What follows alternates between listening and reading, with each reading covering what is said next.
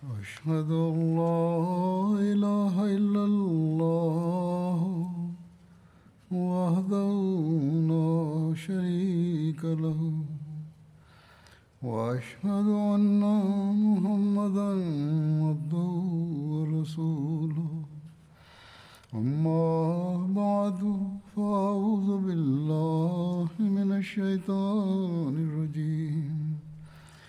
بسم الله الرحمن الرحيم.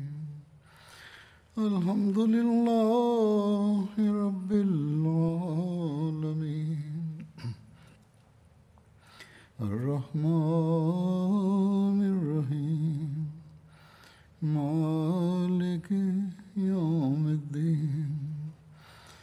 إياك نعبد وإياك نستعين. اهدنا الصراط المستقيم.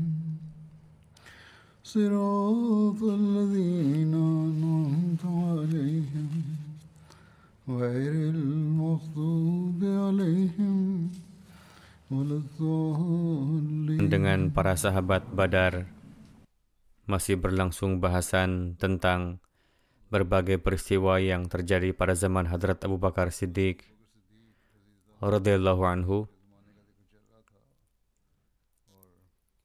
Pada hari ini akan saya sampaikan berkenaan dengan pergerakan yang dilakukan menuju Suriah selama periode khilafat beliau ketika Hadrat Abu Bakar Siddiq selesai mengatasi orang-orang murtadin pemberontak dan Arab menjadi stabil, beliau berpikir untuk memerangi Romawi, salah satu penentang agresi eksternal.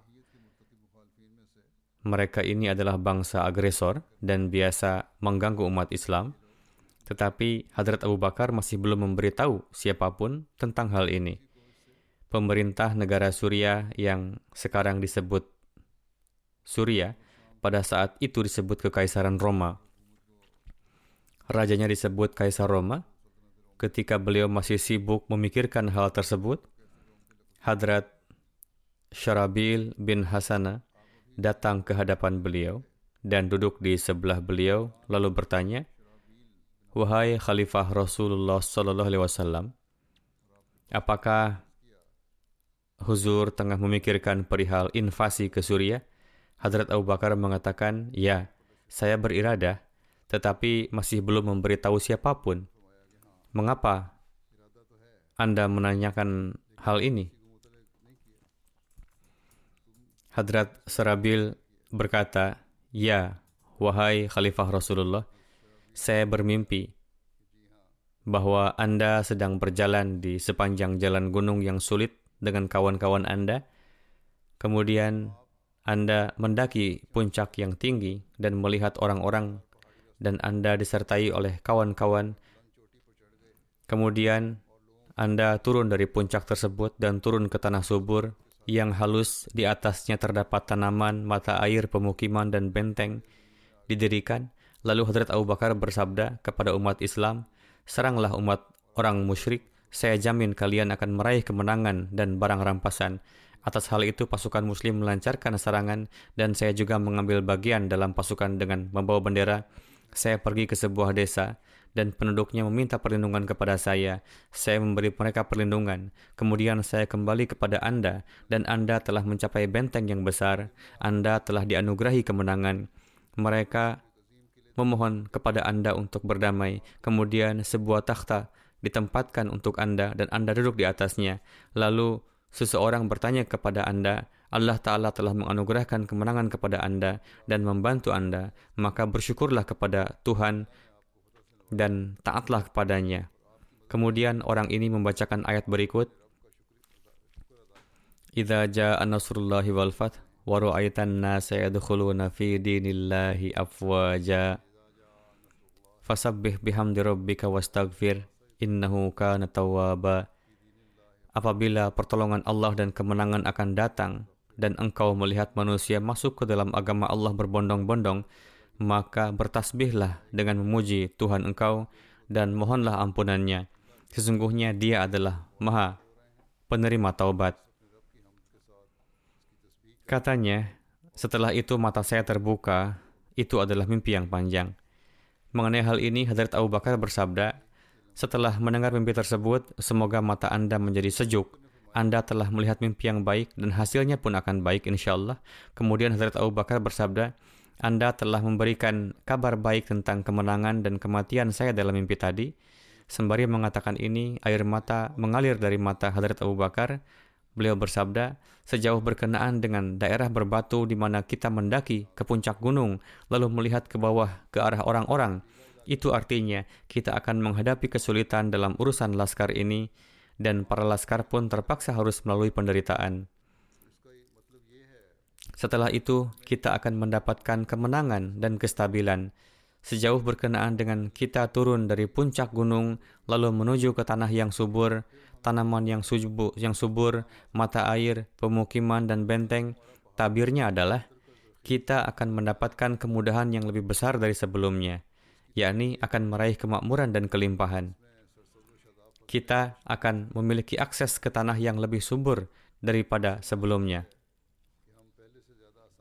Sejauh berkenaan dengan saya memerintahkan umat Islam untuk menyerang musuh dan saya menjamin kemenangan dan harta rampasan, itu artinya adalah saya mengirim umat Islam ke tanah musyrik dan menyemangati mereka untuk berjihad.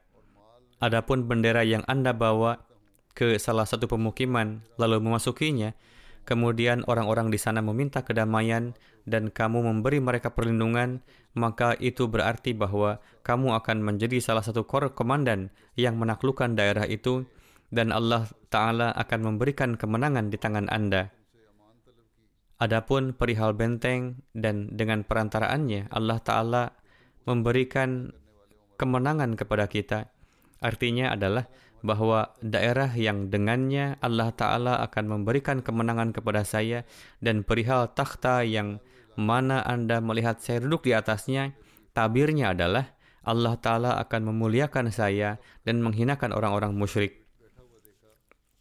Adapun perihal orang yang menyuruhku beramal saleh dan taat kepada hukum Allah, lalu membacakan surat An-Nasr di hadapanku, artinya adalah dia mengabarkan perihal kematianku Ketika surah ini diturunkan kepada Nabi suci Shallallahu Alaihi Wasallam, beliau memahami bahwa tengah disampaikan kabar kewafatan beliau. Inilah tabir yang disampaikan oleh Hadrat Abu Bakar dari mimpi itu.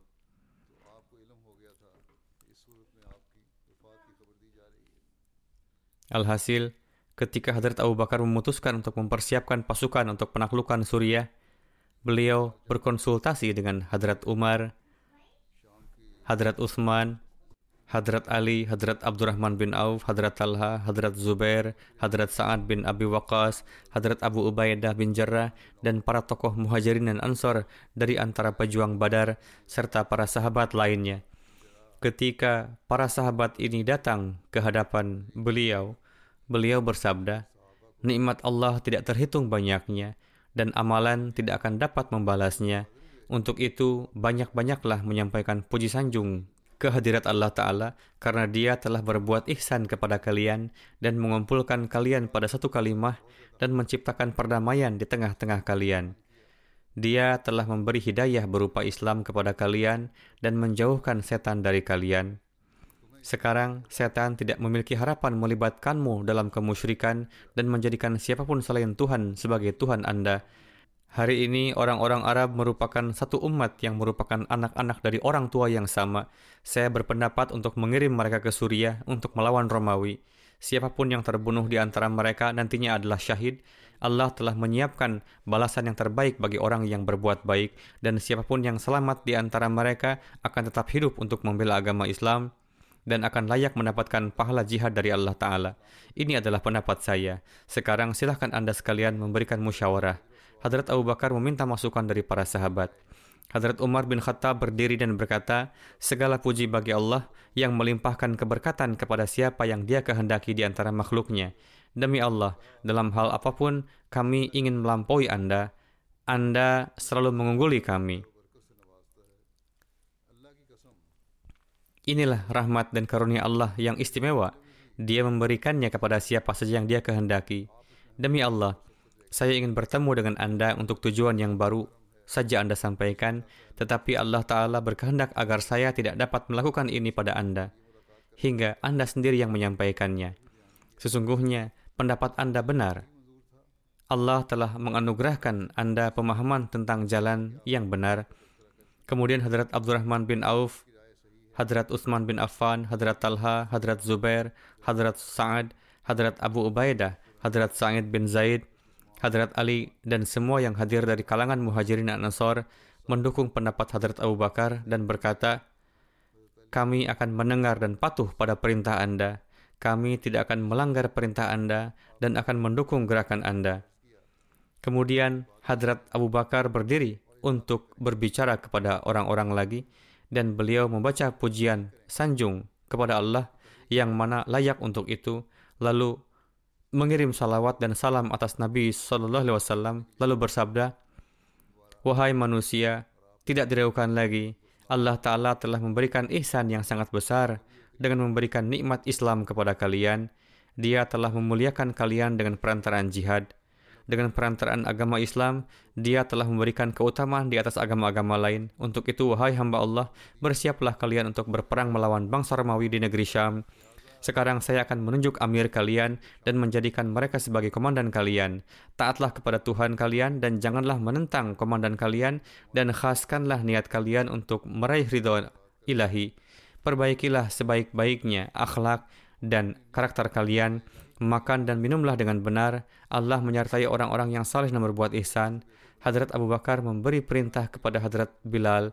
Lalu Hadrat Bilal mengumumkan kepada orang-orang, Wahai manusia, berangkatlah ke Syria untuk berperang melawan musuh Romawimu, dan yang akan menjadi komandan kaum muslim adalah Hadrat Khalid bin Sa'id. Dalam rangka penaklukan negeri Syam, Hadrat Abu Bakar Siddiq radhiyallahu anhu pertama-tama mengutus Hadrat Khalid bin Sa'id. Menurut satu riwayat, ketika Hadrat Abu Bakar kembali ke Madinah setelah menunaikan ibadah haji pada tahun 13 Hijriah, beliau mengutus Hadrat Khalid bin Sa'id ke Suriah bersama dengan pasukan. Sementara sebagian berpendapat bahwa ketika Hadrat Abu Bakar mengirim Khalid bin Walid ke Irak, beliau juga mengirim Hadrat Khalid bin Sa'id ke Suriah. Oleh karena itu, bendera pertama yang dikibarkan untuk penaklukan Suriah adalah bendera Hadrat Khalid bin Sa'id. Selain itu, diketahui dari sebuah riwayat bahwa ketika Hadrat Abu Bakar mempersiapkan dan mengirim sebelas laskar untuk menghadapi orang-orang murtad. Pada saat itu, beliau memerintahkan Hadrat Khalid bin Sa'id untuk pergi ke Taima untuk melindungi perbatasan Suriah, yakni jangan meninggalkan pos, undanglah orang-orang dari penduduk sekitar untuk bertemu dengan Anda, dan untuk merekrut hanya mereka yang tidak murtad, dan perangilah hanya mereka yang memerangi Anda, hingga datang perintah baru dari saya. Taima merupakan kota terkenal yang terletak antara Suriah dan Madinah. Hadrat Abu Bakar pun mulai mempersiapkan Muslim dari daerah lain selain penduduk Madinah untuk berperang melawan Romawi dan mendorong mereka untuk bergabung dalam jihad. Oleh karena itu, beliau juga menulis surat kepada penduduk Yaman yang isinya sebagai berikut. Dari Khalifah Rasulullah SAW kepada setiap mukmin dan Muslim di antara penduduk Yaman, Semoga keselamatan tercurah kepada siapa saja surat ini dibacakan. Di hadapan kalian, aku sampaikan puji sanjung kehadirat ilahi Robbi. Tidak ada sembahan lain selainnya. Allah Ta'ala telah mewajibkan jihad atas kaum muslimin dan memerintahkan mereka untuk berangkat dengan persiapan sedikit atau penuh untuk itu. Allah Ta'ala berfirman, Wajahidu bi amwalikum wa anfusikum fi dan berjihadlah di jalan Allah dengan harta dan jiwamu.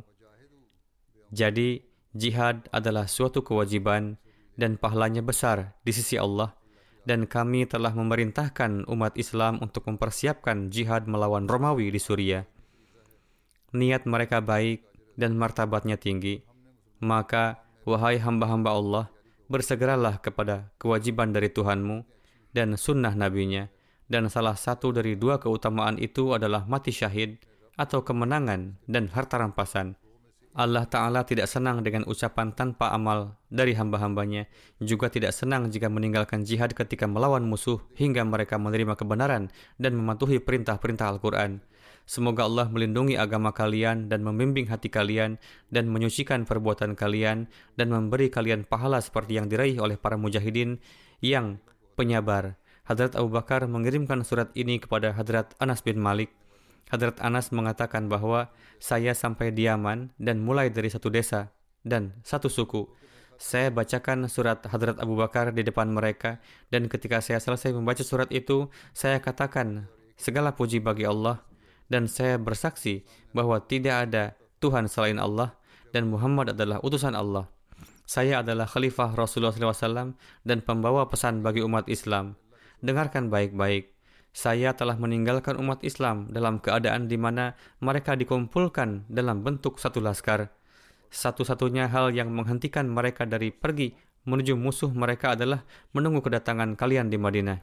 Jadi, segeralah berangkat menuju saudara-saudara kalian. Wahai kaum muslimin, semoga Allah merahmatimu. Hadrat Anas kembali ke Madinah dan dalam menyampaikan kabar suka kedatangan orang-orang, Hadrat Abu Bakar mengatakan bahwa Para pemberani dan kesatria Yaman akan segera menemui kalian dengan rambut kusut dan penuh debu. Mereka telah pergi dengan harta, istri, dan anak-anak mereka. Di sisi lain, Hadrat Khalid bin Said sampai Taima dan menetap di sana, dan banyak pihak dari daerah sekitarnya bergabung dengannya. Ketika orang Romawi mendengar tentang tentara Muslim yang besar ini, mereka memanggil pasukan dari Arab yang di bawah pengaruh mereka untuk perang di Suriah. Hadrat Khalid bin Said menulis kepada Hadrat Abu Bakar tentang persiapan Romawi ini. Hadrat Abu Bakar menulis sebagai jawaban bahwa Anda harus terus maju dan jangan takut dan mintalah bantuan dari Allah. Lalu Hadrat Khalid bin Said bergerak ke arah pasukan Romawi, tetapi ketika mendekati mereka, mereka bubar dan meninggalkan tempat mereka. Hadrat Khalid bin Said menduduki tempat itu dan sebagian besar orang yang berkumpul di sekitarnya menjadi muslim. Hadrat Khalid bin Sa'id melaporkan hal ini kepada Hadrat Abu Bakar. Hadrat Abu Bakar menulis, Anda maju terus, namun jangan terlalu jauh sehingga musuh mendapat kesempatan untuk menyerang dari belakang. Hadrat Khalid bin Sa'id bergerak bersama orang-orang ini sampai mereka berhenti di suatu tempat. Di sana, seorang pendeta Romawi bernama Bahan datang menemui mereka. Hadrat Khalid bin Sa'id mengalahkannya dan membunuh banyak pasukannya, dan sedangkan Bahan melarikan diri dan berlindung di Damaskus. Hadrat Khalid bin Said melaporkan hal ini kepada Hadrat Abu Bakar dan meminta lebih banyak bala bantuan. Saat itu Hadrat Abu Bakar memiliki orang-orang yang pada awalnya bermigrasi dari Yaman untuk tujuan jihad di Suriah. Selain itu, orang-orang dari antara Mekah dan Yaman juga datang. Di antara orang-orang ini adalah Hadrat Zulqala dan Hadrat Ikrimah yang telah berhasil dalam perang melawan para murtadin dan kembali ke Hadrat Abu Bakar. Beserta beliau ada juga orang lain dari beberapa daerah. Berkenaan dengan mereka semua, Hadrat Abu Bakar menulis kepada para komandan, jika Anda ingin membuat formasi baru, silahkan. Semuanya melakukan formasi, akhirnya tentara baru dibentuk dengan membuat formasi baru. Itulah sebabnya tentara ini diberi nama Jaishul Bidal. Bahkan setelah pasukan ini mencapai Hadrat Khalid bin Sa'id, Hadrat Abu Bakar terus mendorong orang-orang untuk berperang di Suriah. Hadrat Abu Bakar menyuruh Hadrat Walid bin Uqbah untuk pergi ke Suriah menuju Hadrat Khalid bin Sa'id. Ketika ia sampai di tempat Hadrat Khalid bin Sa'id mengatakan kepadanya bahwa orang-orang Madinah sangat ingin membantu saudara-saudara mereka dan Hadrat Abu Bakar sedang mengatur untuk mengirim pasukan. Mendengar ini, Hadrat Khalid bin Sa'id sangat gembira dan beliau ingin menyerang tentara besar Romawi yang dipimpin oleh Bahan dengan membawa Hadrat Walid bin Uqbah bersamanya. Berpikir bahwa kebanggaan atas kemenangan melawan Romawi merupakan bagiannya. Seolah-olah Hadrat Khalid bin Sa'id saat menyerang tentara Romawi mengabaikan instruksi Hadrat Abu Bakar bahwa Anda tidak boleh maju terlalu jauh sehingga musuh akan mendapati kesempatan untuk menyerang dari belakang. Alhasil, ia lupa akan pertahanan pada bagian belakang dan memulai perang dengan Romawi sebelum kedatangan para komandan lainnya. Bahan bersama teman-temannya pergi menghindar dari mereka ke Damaskus. Mundurnya Bahan sebenarnya adalah tipu muslihat. Dia ingin mengepung kaum muslim dan menyerang mereka dari belakang. Hadrat Abu Bakar telah memperingatkan mereka tentang bahaya ini, tetapi semangat keberhasilan membuat Hadrat Khalid bin Said lalai dari mengikuti peringatan sang khalifah dan malah menginstruksikan untuk maju. Hadrat Khalid bin Said terus maju menuju tentara musuh. Saat itu Hadrat Walid bin Uqbah, Hadrat Zulqala, dan Hadrat Ikrimah juga bersamanya. Di sana Hadrat Khalid bin Said dikepung oleh pasukan bahan dan menghalangi jalannya. Hadrat Khalid bin bahkan tidak mengetahuinya. Bahan kemudian maju dan menemukan Said, yakni putra Hadrat Khalid yang tengah mencari air dengan beberapa orang. Lalu akhirnya mereka semua dibunuhi. Hadrat Khalid bin Said mengetahui tentang pembunuhan putra dan teman-temannya. Lalu ia bergerak dari sana dengan sekelompok penunggang kuda dan alih-alih berperang, dia juga meninggalkan tempat itu. Setelah itu, banyak juga kawan-kawan lainnya yang memisahkan diri dari laskarnya dengan menunggang kuda dan unta. Setelah kalah, Khalid tiba di Zulmarwa, namun Hadrat Ikrimah tidak beranjak dari tempatnya, melainkan terus membantu kaum muslimin. Zulmarwa adalah tempat antara Makkah dan Madinah, sekitar 96 mil dari Madinah. Namun Hadrat Ikrimah menghentikan bahan dan pasukannya dari pengejaran Hadrat Khalid. Ketika Hadrat Abu Bakar diberitahu tentang hal ini, beliau menyatakan kemarahannya dengan Hadrat Khalid dan tidak mengizinkannya memasuki Madinah. Namun, kemudian ketika ia mendapat izin untuk memasuki Madinah, ia meminta maaf kepada Hadrat Abu Bakar atas tindakan ini.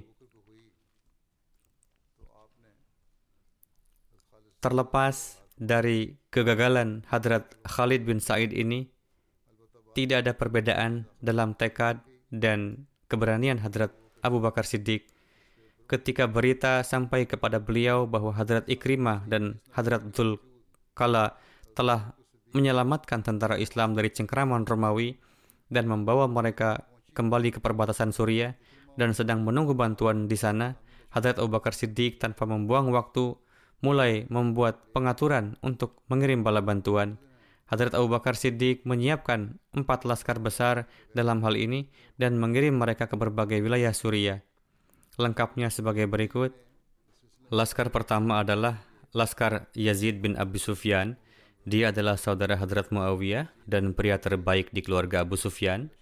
Itu adalah yang pertama dari empat laskar yang dikirim sebagai bala bantuan untuk berangkat ke Suriah. Hadrat Abu Bakar mengangkat Hadrat Yazid bin Abi Sufyan sebagai komandan pasukan ini. Tanggung jawab mereka adalah mencapai Damaskus dan menaklukkannya, serta membantu tiga laskar lainnya bila diperlukan. Jumlah tentara ini awalnya 3.000, kemudian Hadrat Abu Bakar mengirim lebih banyak bantuan, meningkatkan jumlahnya menjadi sekitar 7.000. Orang-orang Mekah seperti Suhail bin Amr dan orang-orang sepertinya – dan mereka yang mumpuni lainnya juga berpartisipasi dalam pasukan Hadrat Yazid bin Abi Sufyan ini.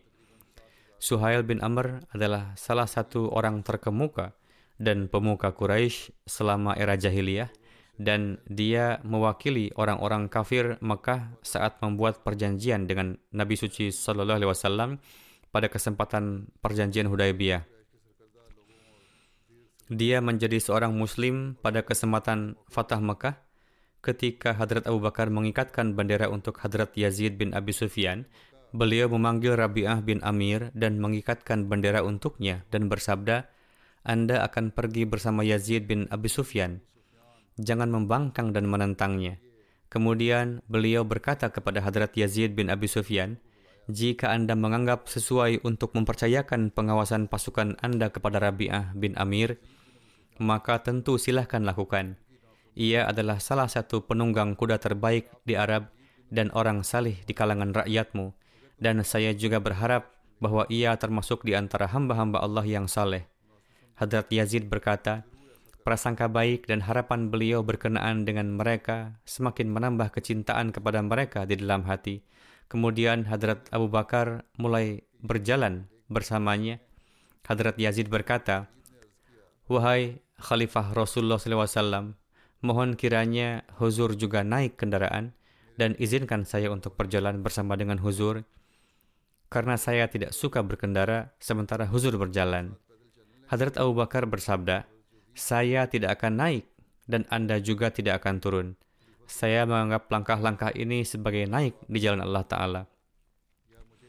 Kemudian beliau memberikan nasihat kepada Hadrat Yazid, Wahai Yazid, aku nasihatkan kepadamu untuk bertakwa kepada Allah, untuk menaatinya, untuk berkorban deminya, dan untuk takut kepadanya.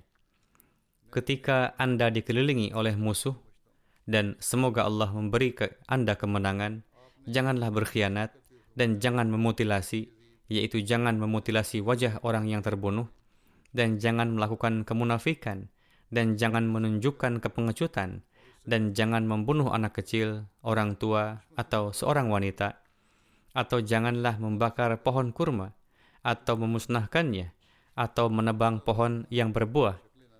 Kamu tidak boleh menyembelih hewan apa pun kecuali untuk dimakan. Jangan menyembelih atau membunuh hewan tanpa alasan, dan ketika kamu melewati beberapa orang yang mengabdikan diri kepada Allah di dalam gereja, maka tinggalkanlah mereka dan apa yang telah mereka baktikan. Artinya, jangan katakan apa pun kepada para biarawan yang menjadi pendeta di gereja-gereja. Dan Anda juga akan menemukan beberapa orang yang rambut kepalanya telah dibersihkan oleh setan. Bagian tengah kepala mereka seperti burung pegar yang menggali lubang di tanah untuk bertelur ada juga hadis yang mengatakan bahwa Anda akan menemukan orang-orang yang mencukur kepalanya di bagian tengah dan memiliki helai rambut yang tersisa di semua sisi, seperti halnya turban. Maka dari itu, hancurkanlah pada bagian tengah kepalanya yang kosong itu dengan pedangmu. Terdapat beberapa riwayat tentang orang-orang yang diperintahkan untuk diserang tersebut. Tertera bahwa mereka itu adalah suatu golongan Kristen. Mereka bukanlah rahib, tetapi merupakan pemuka agama yang terus-menerus memicu perang dengan kaum muslimin dan juga ikut serta dalam pertempuran. Maka dari itu, Hadrat Abu Bakar bersabda, jangan mengganggu para rahib yang ada di dalam gereja. Tetapi kita harus memerangi mereka dan orang-orang yang ada di bawah mereka yang menyulut peperangan dan bertempur melawan kaum muslim. Hal ini karena mereka turut berperang dan menyulut peperangan. Beliau bersabda, maka dari itu hendaknya memerangi mereka hingga mereka condong kepada Islam, atau menundukkan mereka hingga mereka membayar jizyah. Siapa saja yang menolong Allah dan Rasulnya, Allah Ta'ala akan menolongnya dari tempat yang gaib saya menyampaikan salam kepadamu dan menyerahkan segalanya kepada Allah. Di dalam satu riwayat lain tertera petunjuk lebih jauh, tertera bahwa Hadrat Abu Bakar bersabda kepada Hadrat Yazid bin Abi Sufyan, saya mengangkat Anda sebagai wali supaya saya menguji dan menilai Anda, dan agar saya mendidik Anda seraya mengirim Anda keluar. Jika Anda menjalani segenap kewajiban Anda dengan baik, maka saya akan kembali mengangkat Anda pada pekerjaan Anda ini dan akan menaikkan Anda.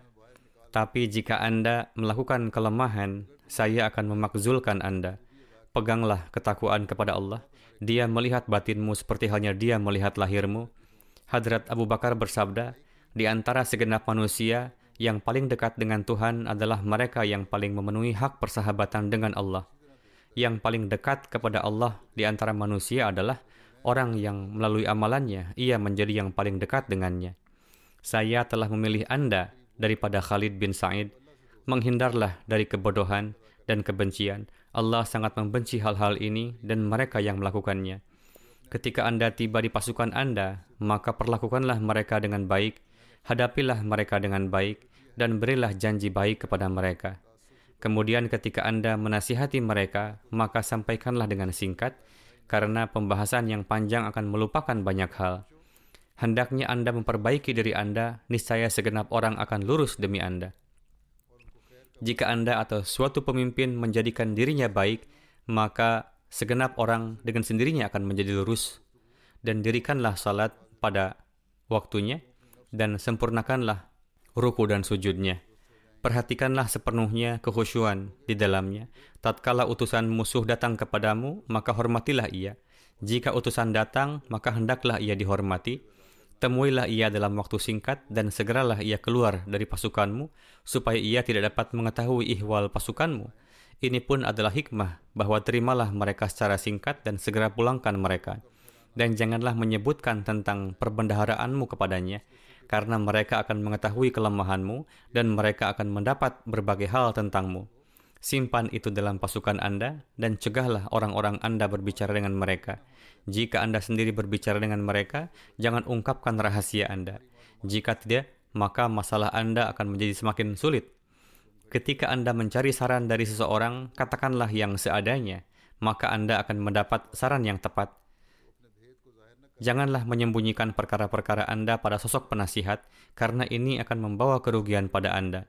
Ini adalah asas bahwa hendaknya hal sekecil-kecilnya disampaikan kepada sosok yang kita mintakan saran, supaya ia dapat memberi saran yang benar dan dengan kerugian yang minimal. Berbincanglah dengan sahabatmu di waktu malam, maka Anda akan mendapatkan banyak berita dan ham himpunlah segenap informasi, maka hal-hal yang tersembunyi akan terungkap pada Anda. Hendaknya pasukan penjaga berjumlah banyak dan sebarkanlah mereka dan adakanlah inspeksi mendadak ke pos-pos penjagaan mereka. Di mana saja Anda mendapati mereka lalai dalam tugasnya, maka nasihatilah mereka dengan sebaik-baiknya.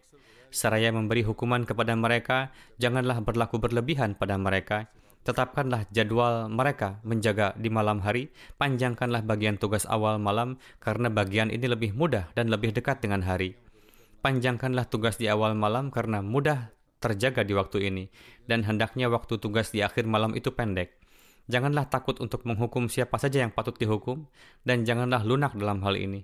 Janganlah tergesa-gesa dalam menghukum, dan janganlah sama sekali mengabaikannya lalu bersabda, Janganlah lalai akan prajuritmu, sehingga mereka menjadi rusak. Janganlah merendahkan mereka dengan mencari-cari aib mereka. Janganlah menceritakan hal-hal rahasia mereka kepada orang lain. Cukuplah dengan apa yang ada pada mereka, dan janganlah duduk dengan orang-orang yang sia-sia. Duduklah bersama orang-orang yang benar dan setia. Bersikaplah berani saat berhadapan dengan musuh. Jangan bersikap takut. Jika tidak, orang-orang Anda pun akan menjadi takut. Hindarilah berkhianat dalam hal harta ghanimah, karena ini mendekatkan pada kemiskinan dan menunda pertolongan serta kemenangan. Anda akan mendapati orang-orang yang telah mewakafkan dirinya demi gereja. Maka dari itu, biarkanlah mereka bersama pekerjaan yang dengannya mereka sibuk di dalamnya. Alhasil, ini merupakan satu panduan lengkap yang sangat penting untuk diamalkan dan dilaksanakan oleh setiap pemimpin dan pengurus. Selanjutnya, Hadrat Abu Bakar memegang tangan Hadrat Yazid dan seraya mengucapkan selamat tinggal bersabda, Anda adalah orang pertama yang saya angkat sebagai amir dari antara para muslim yang terhormat, di mana Anda bukanlah berkedudukan rendah, lemah, terbuang, atau memiliki riwayat kekerasan beragama. Alhasil, perlakukanlah mereka dengan baik dan tempuhlah cara lemah lembut terhadap mereka. Tundukkanlah selalu pundakmu dan mintakanlah saran dari mereka dalam hal-hal yang penting.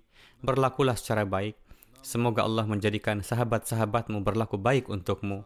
Lalu bersabda, semoga mereka menjadi penolong dalam memenuhi kewajiban-kewajiban terhadap khilafat kita ini. Kemudian, Hadrat Yazid berangkat dengan membawa pasukannya ke arah Syam. Hadrat Abu Bakar kerap berdoa demikian setiap pagi dan sore di waktu setelah subuh dan asar. Wahai Allah, Engkau telah menciptakan kami.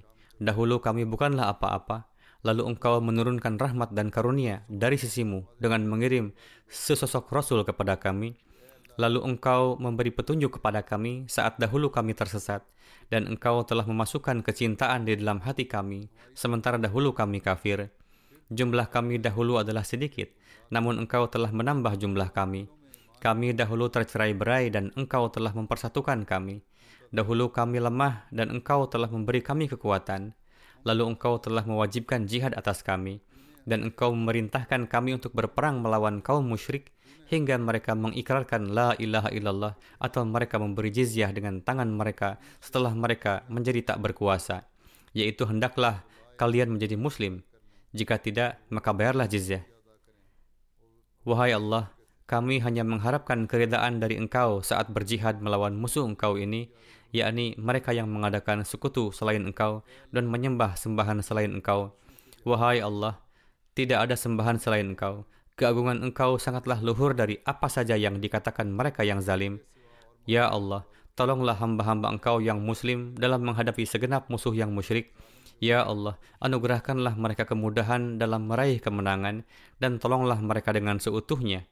Jadikanlah pemberani siapa saja yang kurang berani di antara mereka dan teguhkanlah langkah mereka.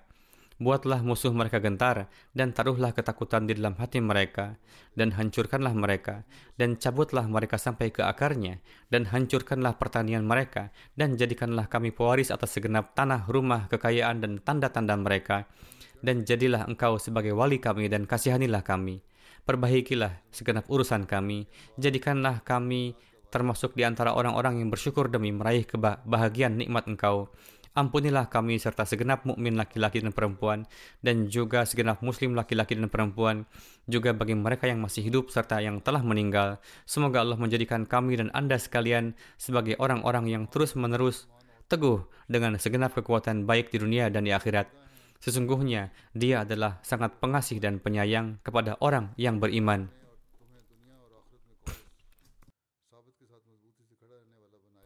Pasukan kedua adalah di bawah Syarabil bin Hasanah. Ayahanda Hadrat Syarabil bin Hasanah bernama Abdullah bin Muta dan ibunda beliau bernama Hasanah. Sebutan beliau adalah Abu Abdullah. Ayahanda beliau meninggal saat beliau kecil sehingga beliau dipanggil Syarabil bin Hasanah karena nama ibunya. Beliau yakni Hasanah. Hadrat Syarabil termasuk di antara sahabat yang pertama memeluk Islam Beliau adalah salah satu panglima pasukan yang masyhur di era khilafat Rashidah. Beliau wafat pada tahun 18 Hijriah di usia 67 tahun.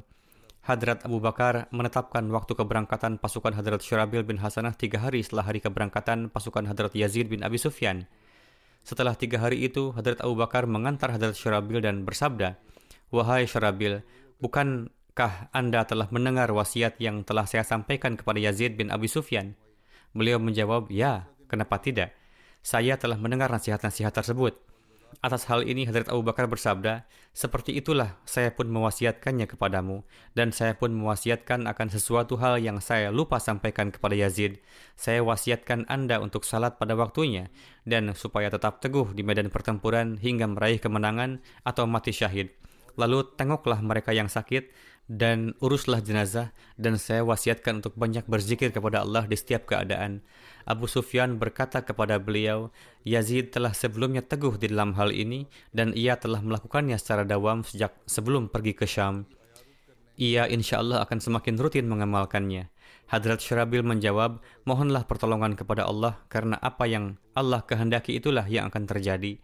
Lalu Hadrat Abu Bakar mengucapkan selamat tinggal kepadanya dan ia pun berangkat menuju Syam. Jumlah pasukan Hadrat Syurabil adalah 3.000 hingga 4.000 prajurit.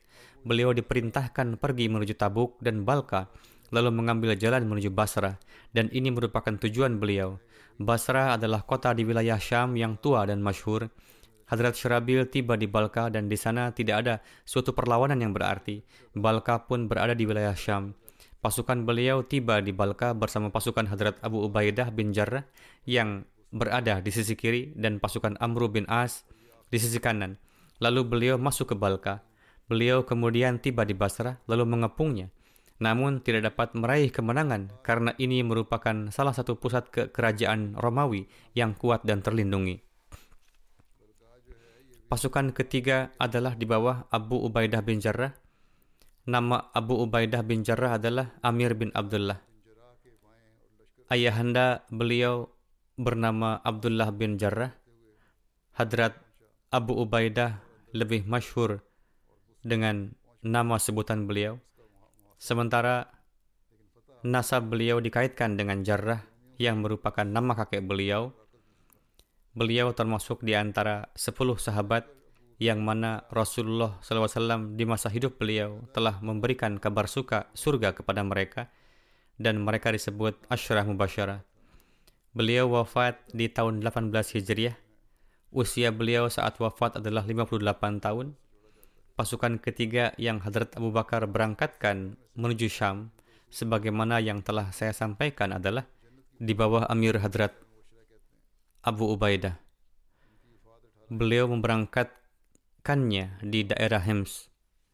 Hims juga merupakan satu kota tua dan besar di Syam dan berada di dekat Damaskus. Pasukan Hadrat Abu Ubaidah berjumlah 7.000 prajurit. Namun menurut riwayat lain jumlahnya 3.000 hingga 4.000. Di perjalanan, Hadrat Abu Ubaidah melalui Ma'ab yang merupakan satu desa di Bulka. Ini bukanlah satu kota tetapi hanya desa tempat berkemah. Beliau bertempur dengan orang-orang di sana, namun akhirnya orang-orang itu meminta berdamai dengan beliau, dan beliau pun berdamai dengan mereka. Ini adalah perdamaian pertama yang terjadi di wilayah Syam. Hadrat Abu Bakar pun memberangkatkan Qais bin Hubairah bersama Hadrat Abu Ubaidah. Tentangnya Hadrat Abu Bakar berwasiat kepada Hadrat Abu Ubaidah dengan berkata, Bersama Anda ada seseorang yang memiliki kedudukan dan kemuliaan di antara para kesatria Arab. Saya tidak berpikir ada niat lebih baik dari ini dalam perkara jihad ini kaum muslim tidak dapat luput dari pendapat, saran, dan kemahiran perangnya. Sertakan ia di dekat Anda dan perlakukanlah ia dengan baik dan lemah lembut, dan buatlah ia merasa bahwa Anda membutuhkannya. Dengan ini Anda akan terus meraih kesetiaannya, dan upaya-upayanya dalam menghadapi musuh akan ada bersama Anda. Tatkala Hadrat Abu Ubaidah pergi dari sana, Hadrat Abu Bakar memanggil Qais bin Hubairah dan bersabda, saya mengirim Anda menuju Abu Ubaidah, sang amin dalam umat. Jika ia dizalimi, maka ia tidak menzalimi untuk membalasnya. Dan jika ia diperlakukan buruk, maka ia akan memaafkannya. Dan jika ia diputuskan hubungan, maka ia akan berusaha untuk menyambungnya kembali. Ia sungguh berbelas kasih kepada segenap mukmin dan sangat tegas terhadap kaum kafir. Janganlah melanggar perintahnya, karena ia hanya akan memberi perintah baik kepada Anda saya telah memerintahkannya untuk mendengar ucapan Anda. Maka dari itu, berilah saran seraya memegang ketakwaan kepada Allah. Kami telah mendengar bahwa engkau dahulu adalah panglima berpengalaman di era syirik dan jahiliyah. Zaman yang di dalamnya terdapat dosa dan kekufuran, maka dari itu pergunakanlah kekuatan dan keberanian Anda di keadaan Islam ini untuk melawan kaum kafir dan mereka yang telah mempersekutukan Allah. Allah Ta'ala telah menetapkan pahala yang besar dan kemuliaan serta kemenangan bagi kaum muslim di dalamnya. Mendengar nasihat ini, Qais bin Hubairah berkata, jika Anda dan juga saya tetap hidup, maka mengenai saya Anda akan menerima berita-berita yang Anda sukai dan akan membahagiakan Anda, yaitu tentang keselamatan kaum muslim dan jihad melawan kaum kafir. Hadrat Abu Bakar bersabda, sosok seperti Andalah yang dapat melakukan seperti ini. Tatkala Hadrat Abu Bakar di Jabiyah mendengar kabar tentang pertempuran yang dialami kedua panglima itu dan kewafatan mereka, maka beliau bersabda, Qais telah berhasil dan telah memenuhi janjinya. Pembahasan ini akan terus berlanjut nanti. Saat ini saya akan menyampaikan biodata seorang syahid. Seorang syahid kita yaitu Tuan Nasir Ahmad Sahib yang merupakan putra Abdul Ghani Sahib. Beliau tinggal di Darul Rahmat Syarki di Rabuah pada tanggal 12 Agustus. Seorang penentang Ahmadiyah menikamnya berulang kali dengan belati dan mensyahidkannya. Innalillahi wa inna ilaihi rajiun. Menurut penjelasan, saat itu Nasir Ahmad Sahib tengah berada di halte bis di dekat salah satu temannya yang penjual koran. Lalu seorang fanatik agama Hafiz Syahzad Hasan datang di sana dan bertanya kepadanya, apakah kamu seorang Ahmadi? Nasir Sahib menjawab, saya adalah anggota jemaat Ahmadiyah. Lalu penentang itu memintanya untuk meneriakkan slogan-slogan anti jemaat di mana beliau menolaknya. Lalu ia mengeluarkan pisau dari tasnya dan seraya meneriakkan slogan ia menikam Nasir Ahmad Sahib. Ia menikam ber berkali-kali dan dalam beberapa detik saja ia telah sedemikian banyak menikam hingga nyawa beliau pun tiada. Alhasil, beliau menderita banyak tusukan dan mati syahid. Saat mati syahid, usia beliau adalah 62 tahun. Setelah kejadian ini, pembunuh itu dalam keterangannya berkata, Aku tidak malu akan perbuatan ini, dan nanti jika aku berkesempatan, aku akan kembali melakukannya. Peristiwa ini terjadi dalam waktu satu hingga dua menit, atau bahkan dalam waktu satu menit saja. Kemudian dalam waktu dua menit atau dua setengah hingga tiga menit, beliau dibawa ke rumah sakit, tetapi Allah telah berkehendak lain dan semua tikaman itu membuat beliau wafat dan syahid seketika. Ahmadiyah masuk di keluarga syahid almarhum melalui kakek beliau, Mukarram Ferozdin Sahib dari Raipur distrik Sialkot yang bayat masuk ke dalam jemaat Ahmadiyah pada tahun 35 di masa khilafat kedua. Setelah pendidikan dasar, beliau tidak belajar lebih lanjut dan menekuni pekerjaan ayahnya sebagai tuan tanah. Sepuluh tahun sebelumnya beliau pun pernah tinggal untuk beberapa masa di Malaysia dan tempat lain untuk bekerja lalu kembali ke Pakistan. Sepuluh tahun sebelumnya beliau pindah dari Raipur distrik Sialkot ke Rabuah. Saat ini beliau telah pensiun dan tidak bekerja. Beliau juga menderita penyakit jantung. Sebagian besar waktu beliau lalui berkhidmat di jemaat di tingkat mahalla. Saat ini pun beliau mendapat taufik berkhidmat sebagai muntazim isar di Majlis Ansarullah dan muhasil di bagian mal. Beliau memiliki banyak sekali kelebihan. Di mahala, beliau setiap saat siap untuk berkhidmat khususnya dalam membantu para yatim dan orang-orang miskin. Beliau pun sangat memperhatikan kebersihan masjid. Beliau adalah sosok yang sangat jujur, pekerja keras, supel, dan pemberani. Kakinya patah karena terkilir yang membuatnya kesulitan berjalan. Meski demikian, ia tetap selalu hadir jika dipanggil di malam hari untuk tugas jemaat atau berjaga Beliau rutin menyimak khutbah dan menaruh perhatian khusus dalam mendirikan salat, serta memperhatikan keadaan sekitar beliau. Kecintaan beliau sangat dalam terhadap khilafat. Setelah salat subuh, beliau secara rutin menyimak tilawat Al-Quran selama satu jam dari handphone. Beliau hampir setiap hari ke pemakaman dan juga baisi makbarah untuk berdoa. Sadar Mahallah menuturkan, kapan saja jemaat membutuhkan, almarhum syahid segera hadir dan beliau tidak pernah menolaknya. Putri almarhum Mubarak Sahibah menuturkan, beberapa hari sebelum pensyahidan, ia melihat dalam mimpi suatu kerumunan orang dan suasana duka, sehingga dengan ini pun beliau memberi sedekah. Almarhum sendiri akhir-akhir ini berulang kali mengungkapkan bahwa waktu beliau tinggal sedikit. Beliau meninggalkan istri Perwin Akhtar Sahibah, dan tiga orang putri. Semoga Allah Ta'ala menurunkan kesabaran dan ketabahan kepada mereka semua. Saudara beliau, Tanwir Akhtar Sahib menuturkan, meskipun beliau tidak memiliki banyak ilmu duniawi dan kejemaatan, tetapi sejak kecil beliau memiliki semangat yang sangat besar dalam jemaat dan beliau sangat mencintai khilafat. Beliau adalah sosok yang sederhana dan rela berkorban dan turut bahagia saat orang lain bahagia. Di berbagai kesempatan Id, beliau dari Lahore selalu membawa banyak makanan dan minuman untuk rumah beliau dan beliau selalu menyiapkan pakaian yang bagus dan baru lalu mengatakan bahwa beliau hanya mengenakannya untuk Id lalu selalu memberikannya ke saya karena saya adalah wakaf zindagi dan mengambil baju saya yang lama. Keponakan beliau menuturkan, beliau selalu membawa handphone dengan alasan agar beliau ada saat kapan pun jemaat membutuhkan, karena bagaimana bisa dihubungi jika handphone tidak ada. Jika berdering di waktu malam, beliau selalu bangun dan siap untuk melakukan tugas jemaat. Beliau selalu siap untuk membantu meski beliau harus pergi hingga penghujung Rabuah sekalipun. Beliau selalu siap untuk mendonorkan darah, sehingga dengan ini pun banyak nyawa yang tertolong. Beliau tidak pernah menghiraukan penyakit jantung beliau. Beliau menganggap menolong mereka yang kesusahan sebagai suatu kewajiban dan hal ini dianggap lebih penting daripada penyakit beliau. Semoga Allah Ta'ala meninggikan riat almarhum syahid dan menganugerahkan tempat tinggi di Jannatul Firdaus.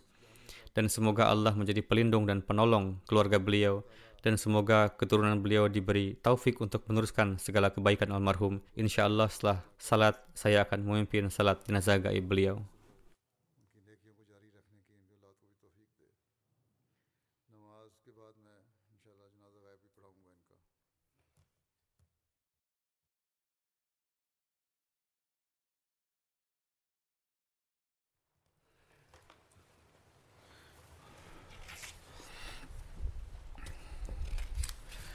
الحمد لله الحمد لله نحمده ونستعينه ونستغفره ونؤمن به ونتوكل عليه ونعوذ بالله من شرور أنفسنا ومن سيئات أعمالنا. من يهده الله فلا مضل له ومن يضلل فلا هادي له. ونشهد أن لا إله إلا الله. ونشهد أن محمدا عبده ورسوله. عباد الله رحمكم الله. إن الله يأمر بالعدل واللسان وإيتاء ذي القربى وينهى عن الفحشاء والمنكر والبغي يعظكم لعلكم تذكرون. اذكروا الله يذكركم ودوه يستجب لكم يستجب لكم. ولذكر الله أكبر.